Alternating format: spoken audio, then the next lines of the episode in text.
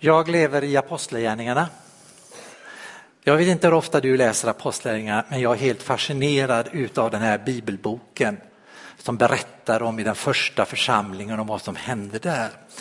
Då kanske du funderar på hur kan man bli fascinerad av en bibelbok? Men det är intressant att se i Apostlagärningarna, där ser vi väldigt klart och tydligt hur Jesus Kristus vandrar vidare genom sin församling. Precis så som han hade sagt att det skulle vara. Det nya livet, andens dimension, pingstdagen. Den här dimensionen som lärjungarna upplevde på pingstdagen den var oerhört stark och den var oerhört dynamisk. Den spränger alla begränsningar och så tränger den ständigt vidare. Stannar aldrig upp. Och frågan har gång på gång dykt upp i mitt eget liv när jag har förberett den här predikan och läst Apostlagärningarna. Vill vi uppleva detta dynamiska liv idag? Eller tycker vi att det är bra som det är? Om vi jämför oss med första urkristna församlingen och hur vi har det idag så har det i alla fall skapat hos mig en längtan tillbaka till den första församlingen. Sverige behöver det. Vi, du och jag, vi behöver det också. För jag tycker att avståndet mellan apostlagärningarnas manifestation av överflödande andekraft och den här dynamiska expansionen, församlingen ökar inte med en och en utan med hundra och tusen. Och så ser jag på vår egen tid och då har det skapat en längtan. Är detta möjligt? Kan vi få uppleva i vår tid en väckelse av det här slaget när den heliga ande liksom bara dånar fram i församlingen och berör oss och fyller oss med den kraften som vi precis har sjungit om.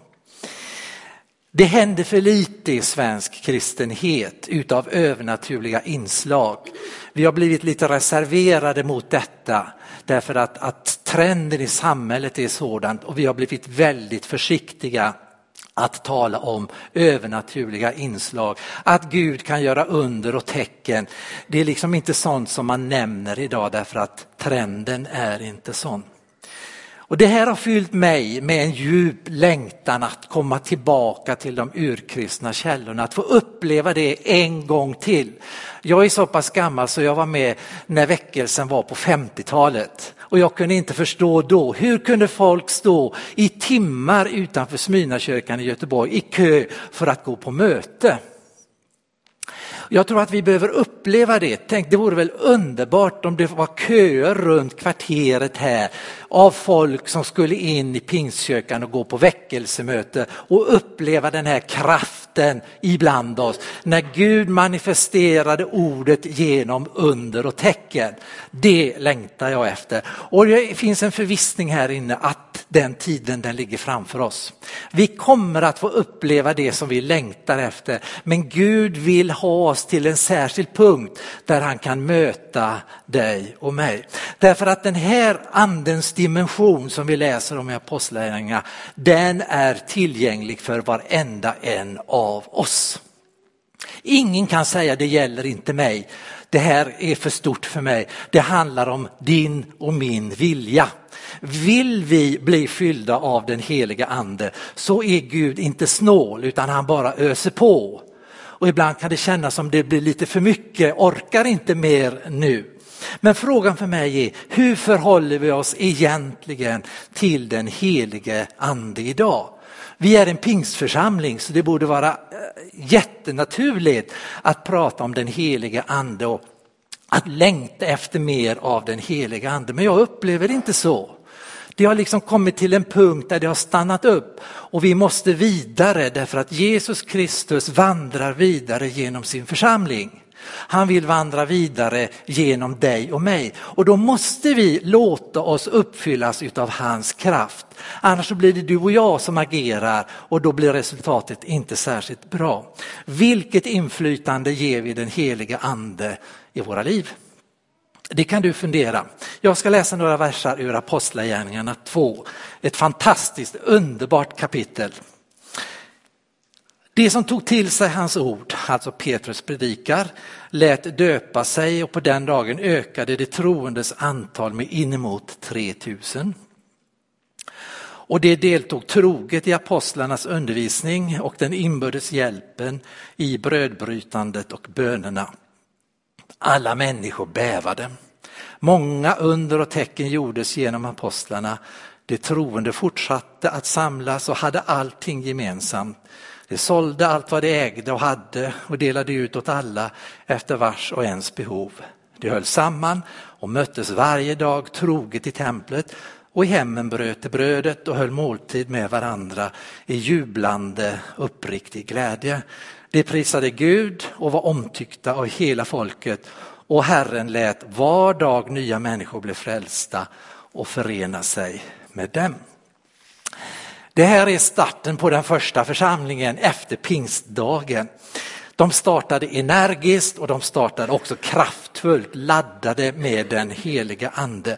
De var enade i tron och de var brinnande i bönen och de var fyllda av den helige ande. Alltså de här 20 som var i övre salen, de var laddade till max. Den heliga ande hade gett dem den kraften som Jesus hade utlovat. Ni ska få kraft och bli mina vittnen när den helige ande kommer över er. Och de utförde precis det som Jesus hade sagt att de skulle utföra, gjorde Guds gärningar på Guds sätt och resultatet blev att Gud blev förhärligad.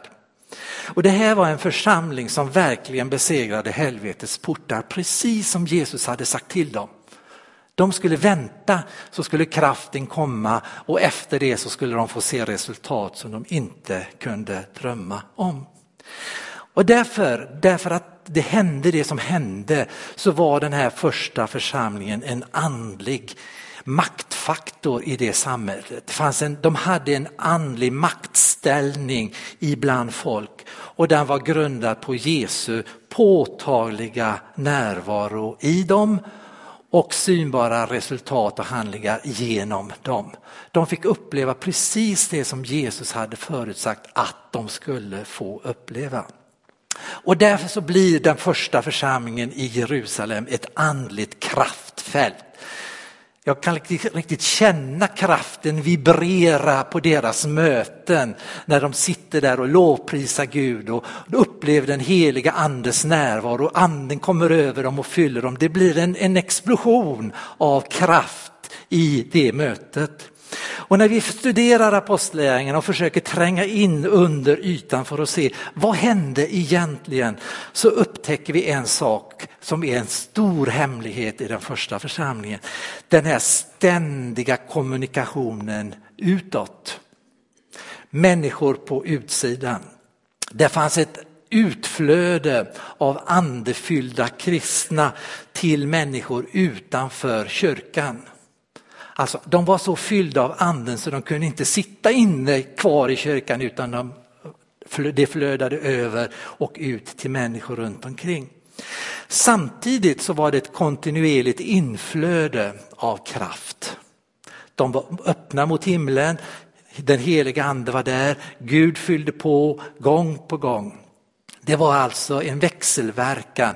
Kraften flöt ut men kraften fylldes på hela tiden. Den heliga andes kraft fungerade i båda riktningarna. Man nöjde sig inte bara att jag får så mycket utan det jag får vill jag ge ut till människor utanför. Och därför så blev den första församlingen ett magnetfält som oupphörligen drog till sig människor och så förde de in i gemenskapens kraftfält. Alltså det som hände, kraften som var utgjuten där, det blev så starkt som en magnet. De utanför kunde inte låta bli. De drogs dit och så fick de också uppleva kraften där. Människor kom till tro, 3000, 2000, par hundra. Detta är ju inget som hände bara första dagarna utan det var så därför att församlingen fungerade precis som Gud hade sagt att den skulle göra. Guds under, Guds tecken tecken visade sig gång på gång och de bad om frimodighet att förkunna ditt ord, Herre. Sträck ut din hand, bota de sjuka, gör under och tecken ibland oss. Och vad hände som resultat? Jo, anden föll på nytt, marken skakade och så gick de därifrån frimodiga och förkunnade Guds ord så hade den första församlingen fötts i den här atmosfären. Pingstdagen är ju församlingens födelsedag och hade också på väldigt kort tid mångdubblats just beroende utav andens verkan i församlingen. Det var en dynamisk explosion. Det hände saker och ting. Folk kom, drogs dit, upplevde kraften, gick ut och delade med sig av detta till dem de mötte. Alltså precis som det är i Kina idag. De upplever frälsningen i Jesus Kristus, den heliga ande är med dem och de går ut och vinner sina medmänniskor för, för Jesus Kristus. Det är, ingen, det är så det ska vara. Jag tror att vi behöver uppleva detta i vår tid, i det samhälle som vi lever i faktiskt. Andens tidsålder har brutit in. Vi, du och jag, vi lever i andens tidsålder. Och vi längtar efter att få vara med om samma sak som hände i den första tiden. Det här andliga skeendet som vi läser om i Apostlagärningarna, det var så starkt och det fick återverkningar långt utanför församlingens gränser. Om man idag vill försöka analysera, vi har ju en benägenhet för detta, vill plocka isär och se orsak och verkan. Men om man vill undersöka varför var det en sån påtaglig framgång för den första församlingen så tror jag att man hittade just i detta församlingens inre liv.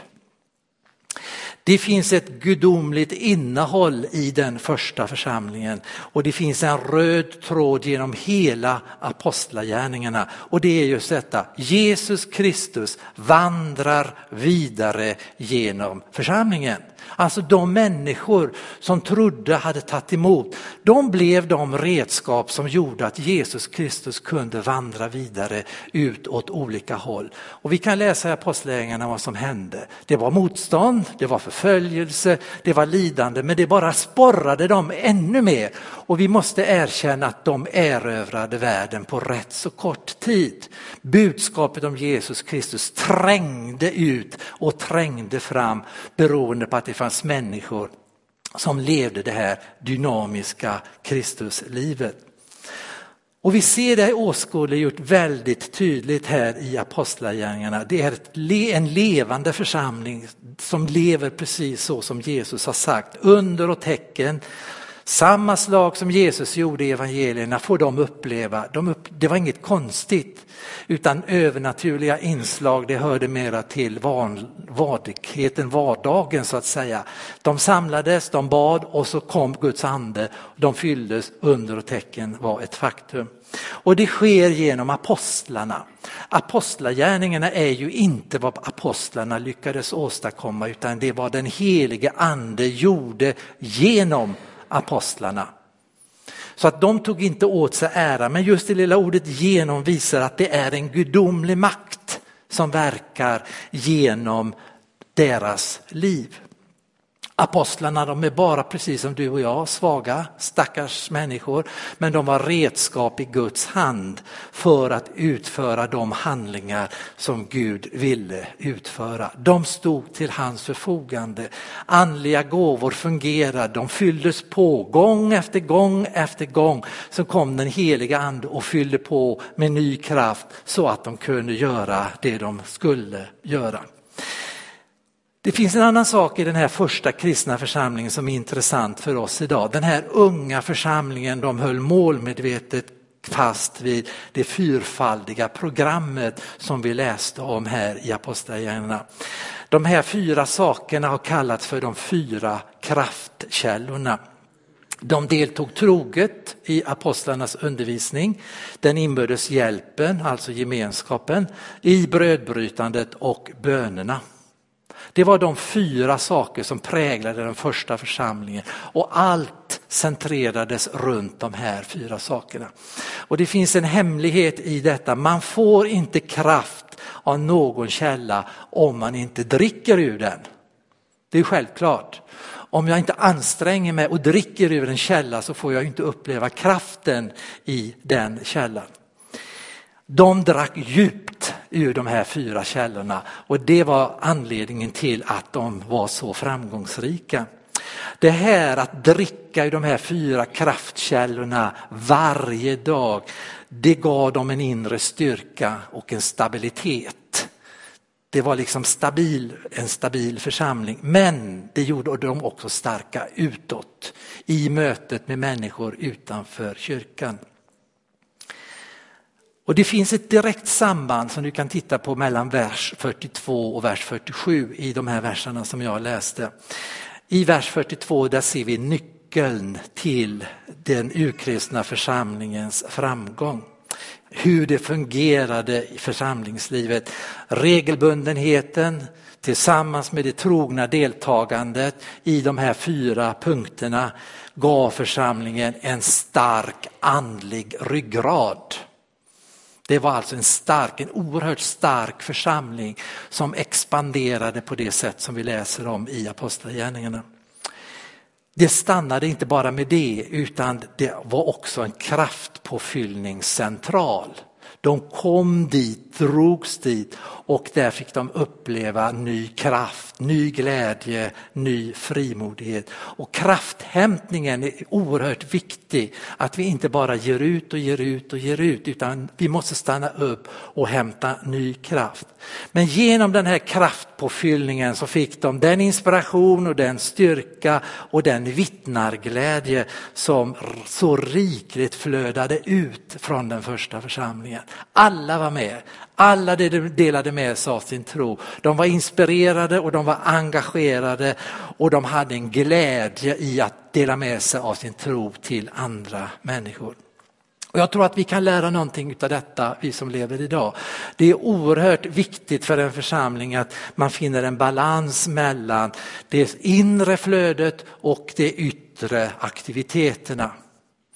Alltså vi kan ha hur mycket aktiviteter som helst, men om vi inte har ett inre flöde, tillflöde utav andens kraft och liv, då blir vi rätt så snart trötta.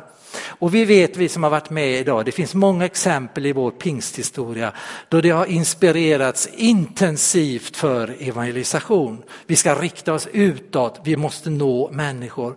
Och motiveringen har väl varit väldigt bra. Man vill nå människor som inte kommer till kyrkan.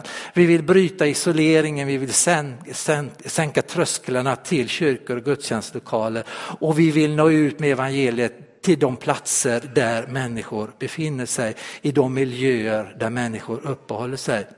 Men mitt i all det här vällovliga engagemanget att nå människor så har det hänt väldigt ofta att församlingar och enskilda kristna upplevt att de har kört slut. Kraften har tagit slut. Den har liksom ebbat ut och till slut så upplever man inte glädjen längre. Det finns liksom ingen kraft som sporrar mig, det finns ingen frimodighet att fortsätta. Den, det som har dröjt kvar är liksom en allmän trötthet. Jag orkar inte mer eller jag kanske inte vill mer, jag vill inte satsa mer nu och det har påverkat mitt tjänande.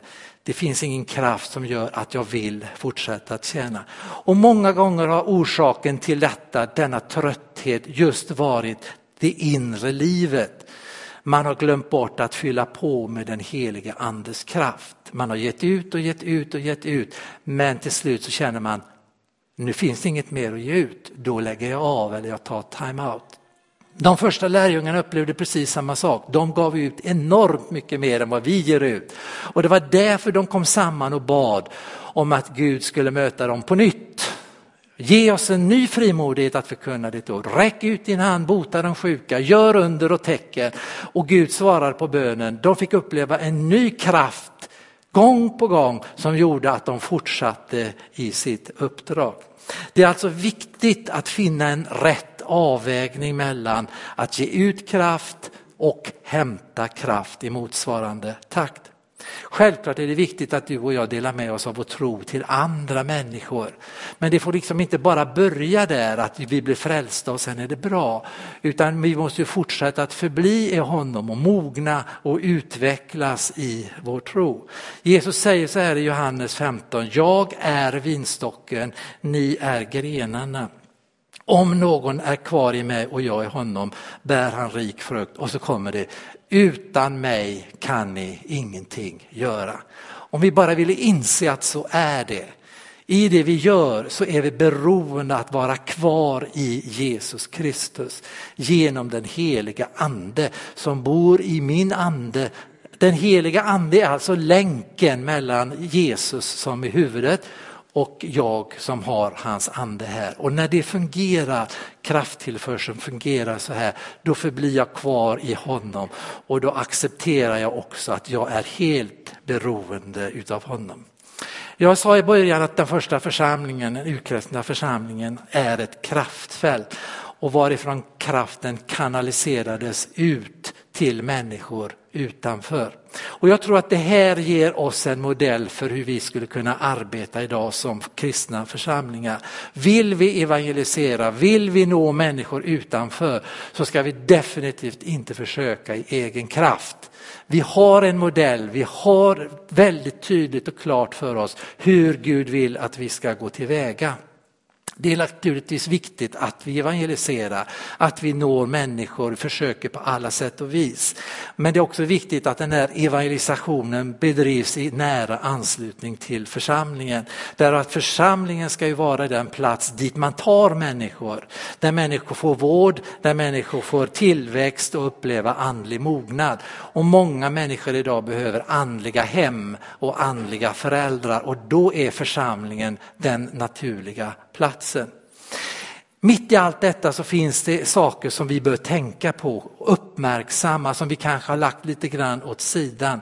Det gäller nämligen det som kommer före en väckelse eller en evangelisationskampanj. Vi måste också vara med och skapa de rätta förutsättningarna för naturlig församlingstillväxt. Församlingen i Jerusalem, den första församlingen, upplevde naturlig församlingstillväxt. De hade inte en massa program och mycket olika enkäter hit och dit som skulle ta reda på vad folk tyckte och tänkte. Det bara fungerade i församlingen och församlingen växte väldigt starkt. Väckelse, det vi längtar efter att folk ska vakna upp och börja fråga efter Jesus Kristus, det kan du och jag inte organisera fram vi liksom inte bestämmer att nästa vecka ska det bli väckelse. Men däremot så kan vi vara med i bön och bedja fram väckelse över vår stad, över vår kommun och över vårt land. Vi har många gånger försökt att organisera fram, vi gör mänskliga insatser som misslyckas och så blir vi besvikna att det inte blev som vi hade trott.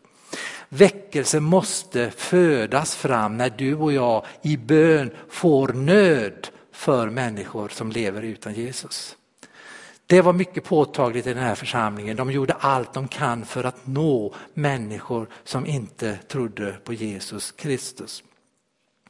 Och texten i Apostlagärningarna i det här sammanhanget det ger oss en väldigt bra bild av hur det här mönstret verkligen fungerade det var inte bara ett mönster, en modell, utan de hade prövat det och Gud ställde sig bakom, församlingen växte och utvecklades. Den yttre framgången i den första församlingen, det var inte en slump det bara blev så. Utan de var väldigt målmedvetna om i det de gjorde. Med stor iver, med stor hängivenhet så praktiserade de det här fyrfaldiga programmet. Det fanns undervisning, gemenskapen fungerade, brödbrytandet fungerade och bönerna, bönesamlingarna var oerhört viktiga. Och det var det som skapade de här förutsättningarna som gjorde att församlingen blev ett magnetfält. Folk drogs dit när de såg vad som hände. Inte minst det rika och uthålliga bönelivet, det blev den här kraftcentralen där de laddade batterierna för att fortsätta nästa vecka eller nästa dag. Det var där de andliga segrarna vanns. Och jag skulle önska att vi kom tillbaka som enskilda kristna och som församling till ett rikare böneliv. Ett mera uthålligt böneliv där vi inser att ska vi kunna förändra någonting i dagens samhälle så måste vi bedja till Gud om en förändring. Det gör inte du och jag. Vi kan inte förändra samhällsutvecklingen i den riktning som vi skulle, men Gud kan. Och när den heliga ande faller över oss och griper oss och liksom får oss på knä, bildligt talat, att i bön söka Guds ansikte och fråga, vad vill du med mig? Ge mig av din kraft så att jag kan vara det redskap som du kan använda för att nå människor i vår tid. Vi har försökt och vi har inte lyckats särskilt ofta. Varken evangeliet eller kyrkor eller församlingsarbete är särskilt attraktiva idag.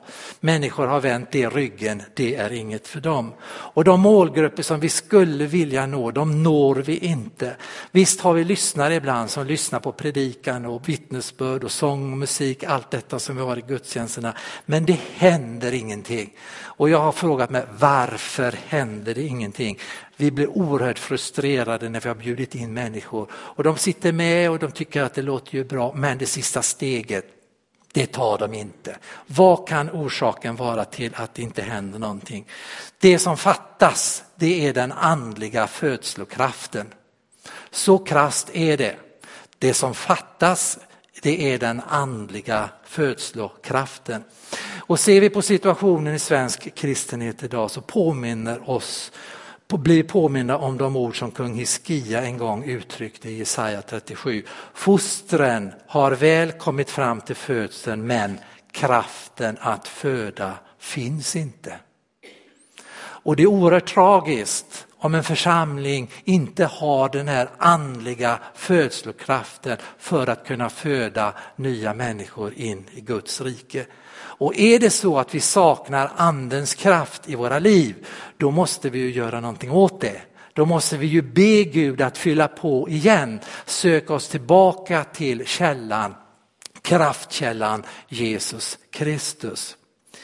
Den första församlingen de tyckte, tycks ha haft ett överflöd av födslokraft och därför så blev också tillväxten väldigt riklig.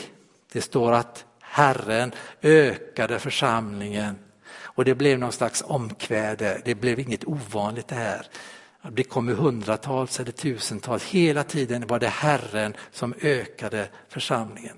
Och jag har kommit till den punkt att jag måste fråga mig och vi som kristna idag, vi måste ärligt våga fråga oss, var sitter felet? Varför händer det inte någonting i våra församlingar? Vi får inte lyssna till ett sånt här omkväd eller konstaterande att Herren ökade församlingen med hundratals människor. Varför händer det inte idag? Kanske behöver vi söka oss tillbaka till ursprunget, de urkristna kraftkällorna som var så tydliga i den första församlingen. Tänk om vi skulle våga börja praktisera de här fyra, det här fyrfaldiga programmet. Jag tror att det är nyckeln. Jag tror att det är nyckeln till både inre tillväxt i församlingen och i mitt eget liv men också att vi når ut till människor utanför. För det står ju i apostlagärningarna att Herren lät var dag nya människor bli frälsta och förena sig med dem. Det är ju det vi vill. Jag hoppas att du vill det. Som kristen måste det vara drivfjädern i våra liv, drivkraften. Vi vill se människor frälsta. Vi vill se att Gud berör vårt land och vårt folk än en gång. Och då kan vi inte klara detta i egen kraft, utan vi måste på nytt bli beroende av Guds kraft. Och Gud är tydlig med att anvisa oss kraftkällorna. Sök er tillbaka till kraftkällorna så ska jag möta er där. De urkristna kraftkällorna där namnet Jesus Kristus predikas som enda vägen till frälsning och evigt liv. Det finns ingen annan väg till frälsning och evigt liv än genom Jesus Kristus. Där också kyrkan, församlingen, de troende, du och jag som en enda kropp på nytt blir uppfyllda av den helige ande. På ett sådant sätt att samma gärningar som hände i apostlagärningarna också händer i vår vardag på verkstadsgolvet, i stadshuset, på skolan, på vårdcentralen, var du jobbar eller var du är. Att du får vara med om att vara ett redskap fylld av Guds kraft för att hjälpa människor så du har dem runt omkring dig. Och jag tror när vi når dit, kommer till den punkten, då kommer verklig sann kristendom att visa sitt rätta ansikte. Då får människor klart för sig vad kristen tro egentligen handlar om. Den heliga ande sänder signaler hela tiden till oss. Pågår sändning ständigt jämt. Och vet du vad den heliga ande säger? Ge mig min församling tillbaka. Ge mig min församling tillbaka. Vi måste ta bort våra händer från det som är den heliga andes suveräna verk.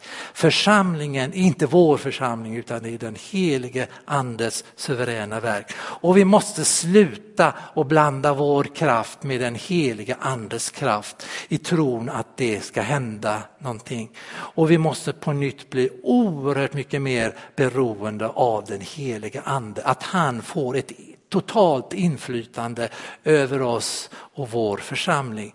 Då tror jag också att vår församling kan bli det kraftfält, kan bli det magnetfält som drar sekulära Lidköpingsbor till kyrkan. Vi måste inse det att alla våra egna ansträngningar och försök, de är bra. Men om inte den heliga ande är med, då händer ingenting. Och Gud är väldigt tydlig idag med att han vill ha sitt folk tillbaka. Han vill återigen erövra församlingen, fylla den med den heliga andes kraft, låta andliga nådegåvor vara i funktion i församlingen.